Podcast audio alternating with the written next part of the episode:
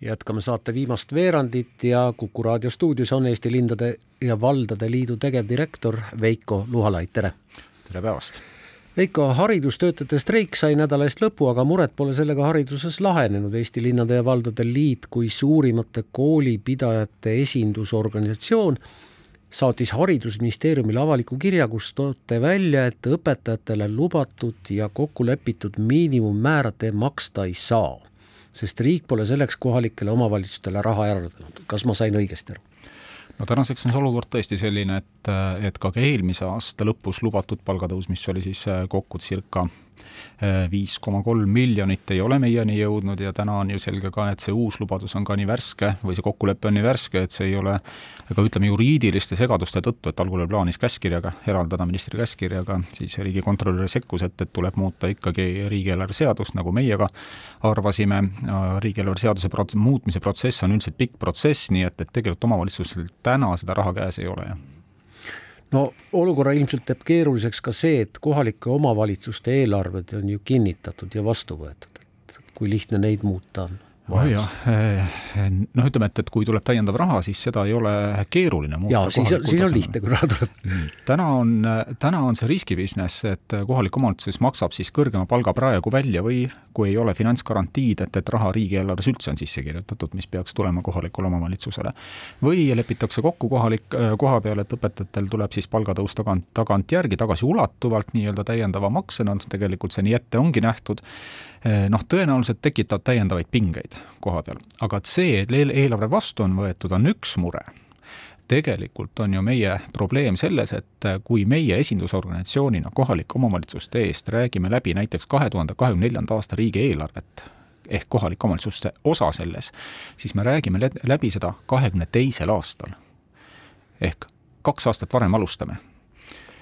ja me saame aasta lõppu ja kahekümne kolmanda aasta algusega selle lukku, ehk meie tulud on kahekümne neljanda aasta riigieelarves kinni juba. ja nüüd kahekümne kolmandal tullakse täiendava nii-öelda sellise rapsimisega, aga muid artikleid jälle avada on keeruline, ehk siis kui õpetajate palkadega on seotud lasteaiaõpetajate palgad ja kahekümne teisel aastal me rääkisime üle, kahekümne neljandaks aastaks lasteaiaõpetajate palgatõus on selline või tähendab, palga, palgatoetus on selline, siis vot need on tõesti nüüd keerulised asjad, kus tegelikult on juba ütleme siis mm, õiguslikud küsimused ja võib-olla ka põhiseaduslik riive ja kohaliku omavalitsuse finantsjuhtimisseadus paragrahv kakskümmend viis ütleb ka, et kui eelarveaasta, nüüd kui eelarved on kinnitatud, tulevad täiendavad kohustused riigi poolt ette antud, et siis riik peab need täiend-, täiel määral kompenseerima, et saame, saame siis näha, mis nüüd saama hakkab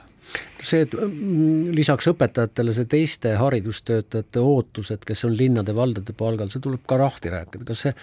kas see ootus on loomulikult suur, aga kas näiteks lasteaiaõpetajatelt te survet ka juba tunnete? Tähendab, ühest küljest on surve, ehk siis ütleme, õigustatud ootus, see on nüüd üks termin ja üks lause, aga nüüd siin taga on veel juriidika, sest mõned omavalitsused on, on ju dokumentaalselt sidunud lasteaiaõpetajate palgad nii-öelda üldharidusõpe-, koolide õpetajate palkadega, et saada riigilt lasteaiaõpetajate palgatoetust või kompensatsiooni. ja need on esitatud kolmekümne, ütleme jaanuari lõpuks on need esitatud ministeeriumile juba kes on seotud need andmed. ehk siis siin ei ole mitte lihtsalt, et, et keegi vaatab, kuuleb ja ootab, aga need on dokumentaalselt õiguslikult juba seotud protsessid. ehk nüüd tekibki mitte ainult lihtsalt õigustatud ootus, aga täiesti seaduslik ootus lasteaiaõpetajale, et ta peab saama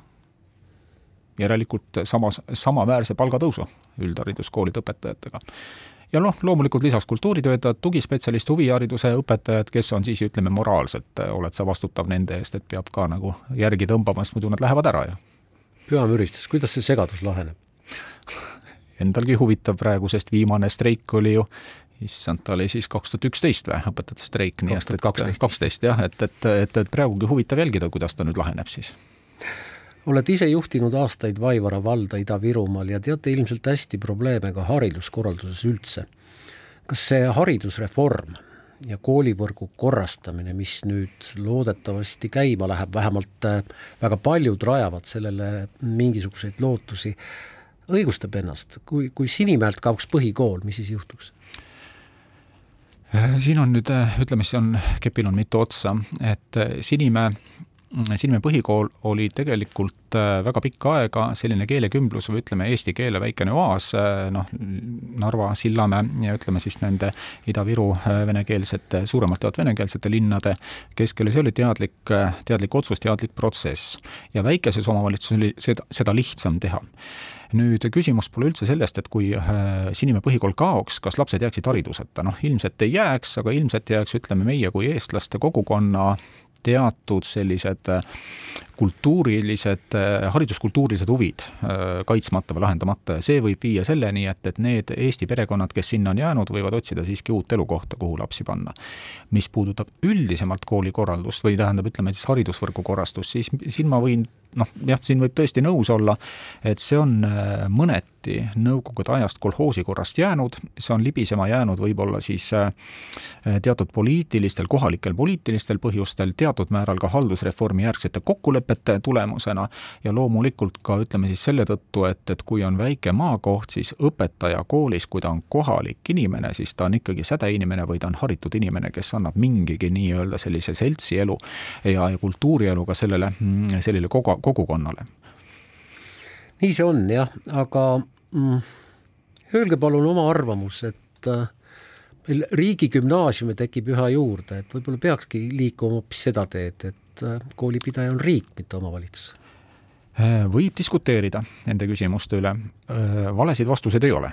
võib nii, et on riik, võib nii, et on omavalitsus, võib ka segi Äh, segamini vastutus olla. aga mis on meie probleem, on ka see, et tegelikult on ju otsustamata. et kes siis mida teeb, on otsustamata. Äh, üldjuhul kõrgharidus ja kutseharidus on lahendatud, aga milline on siis gümnaasiumi osa, see ei ole, see ei ole olnud lihtne ja segadust on hästi palju. aga nüüd, kui tulla äh, meie põhjamaise omavalitsusmudeli juurde või riigimudeli juurde, siis tegelikult äh, üldharidus või ütleme, et hariduse andmine on üldjuhul omavalitsuslik ülesanne. ja miks ta Põhjamaades nõnda on? tegelikult me räägime hästi palju sellest, et kohalik omavalitsus peaks rohkem ettevõtlusega tegelema. ja Põhjamaades ongi hästi lihtsalt lahendatud gümnaasiumiharidus, ka kutseharidus on omavalitsuse vastutada seetõttu, et piirkond, omavalitsus ja omavalitsuste piirkond teavad kõige paremini, peaksid teadma kõige paremini, mis on ettevõtja vajadus haritud tööjõu järgi. ja siis suunatada alates alu, alusharidusest kuni kutseõppeni just nimelt seda protsessi ühise teadmise, ühise tegevuse järgi, et ettevõtlus saaks haritud tööjõudu peale. kui me selle ära hekseldame, kui seda tähele ei pane, siis me jälle te tegeleme nii-öelda riigi juhtimisega või protsesside juhtimisega nii-öelda jupikaupa või, või sealt, kus praegu pigistab selle, no seda, seda hakkame nii-öelda reformima jaa, aga kusagilt läheb ikkagi see, see piir, et me kõik tahame, et et äh, elu maal koguks jõudu ja inimesed oleksid rahul, aga noh, kui, kui ikkagi algklassides õpib kolm õpilast, siis on seda vist ikka natuke vähe. Jah, muidugi, ma ütlen, nagu ma ennem ütlesingi, et ega valu, valeid vastuseid siin ei olegi. et äh, kui äh, kohalikul omavalitsusel on jõudu, tahtmist ja kogu, kogukonnal on jõudu ja tahtmist seda kooli pidada, siis jõuga sekkuma ei pea, ütleme finantskorralduslikult tuleks teha karme otsuseid, jah äsja oli eetris intervjuu Sotsiaalministeeriumi plaanist korrastada ka rehabilitatsiooniteenustega seonduvat ja siin ka, ma saan aru, pannakse osa kohustusi kohalike omavalitsuste õlgadele ma ei kujuta ette, kas teile tuleb kohu-, kohustusi kogu aeg juurde siis või? tõsi ta on, kohustusi tuleb kogu aeg juurde ja paar viimast aastat need on päris pöörased olnud, üks asi, et tuleb kohustusi juurde, teiseks on nõnda, et nende kohustuste menetlemiseks, ehk siis meil omavahel kokkulepete saavutamiseks, tagasiside andmiseks seaduseelnõudele, on väga palju, tihti väga vähese etteteatamise ajaga eelnõud või tagasiside küsimised, näiteks eelmise aasta lõpus oli kolm seaduseelnõud, kus oli alla kahenädalane tagasiside küsimise aeg, seitsekümmend üheksa omavalitsust. ja nüüd, kui me vaatame protsesse, eestikeelsele haridusele üleminek, kohaliku omavalitsuse rahastuse reform, äh, üldhooldusreform, haridusvõrgu korrastamine, et need on tegelikult selles mõttes hästi olulised, pika, väga, väga pika mm, vinnaga protsessid, et anda lühikesed etteteatamise ajad ja nüüd rapsides teha seda, et kuna täna riigieelarve seis on selline, et siis natukene hirm tuleb peale. No loodame, et äh, lõpuks läheb ikka kõik hästi ja, ja omavalitsused kosuvad, ehkki rahvastik paraku väheneb ja vananeb. suur tänu, et tulite Sihiku stuudiosse, Eesti Linnade ja Valdade Liidu tegevdirektor Veiko Luhalaid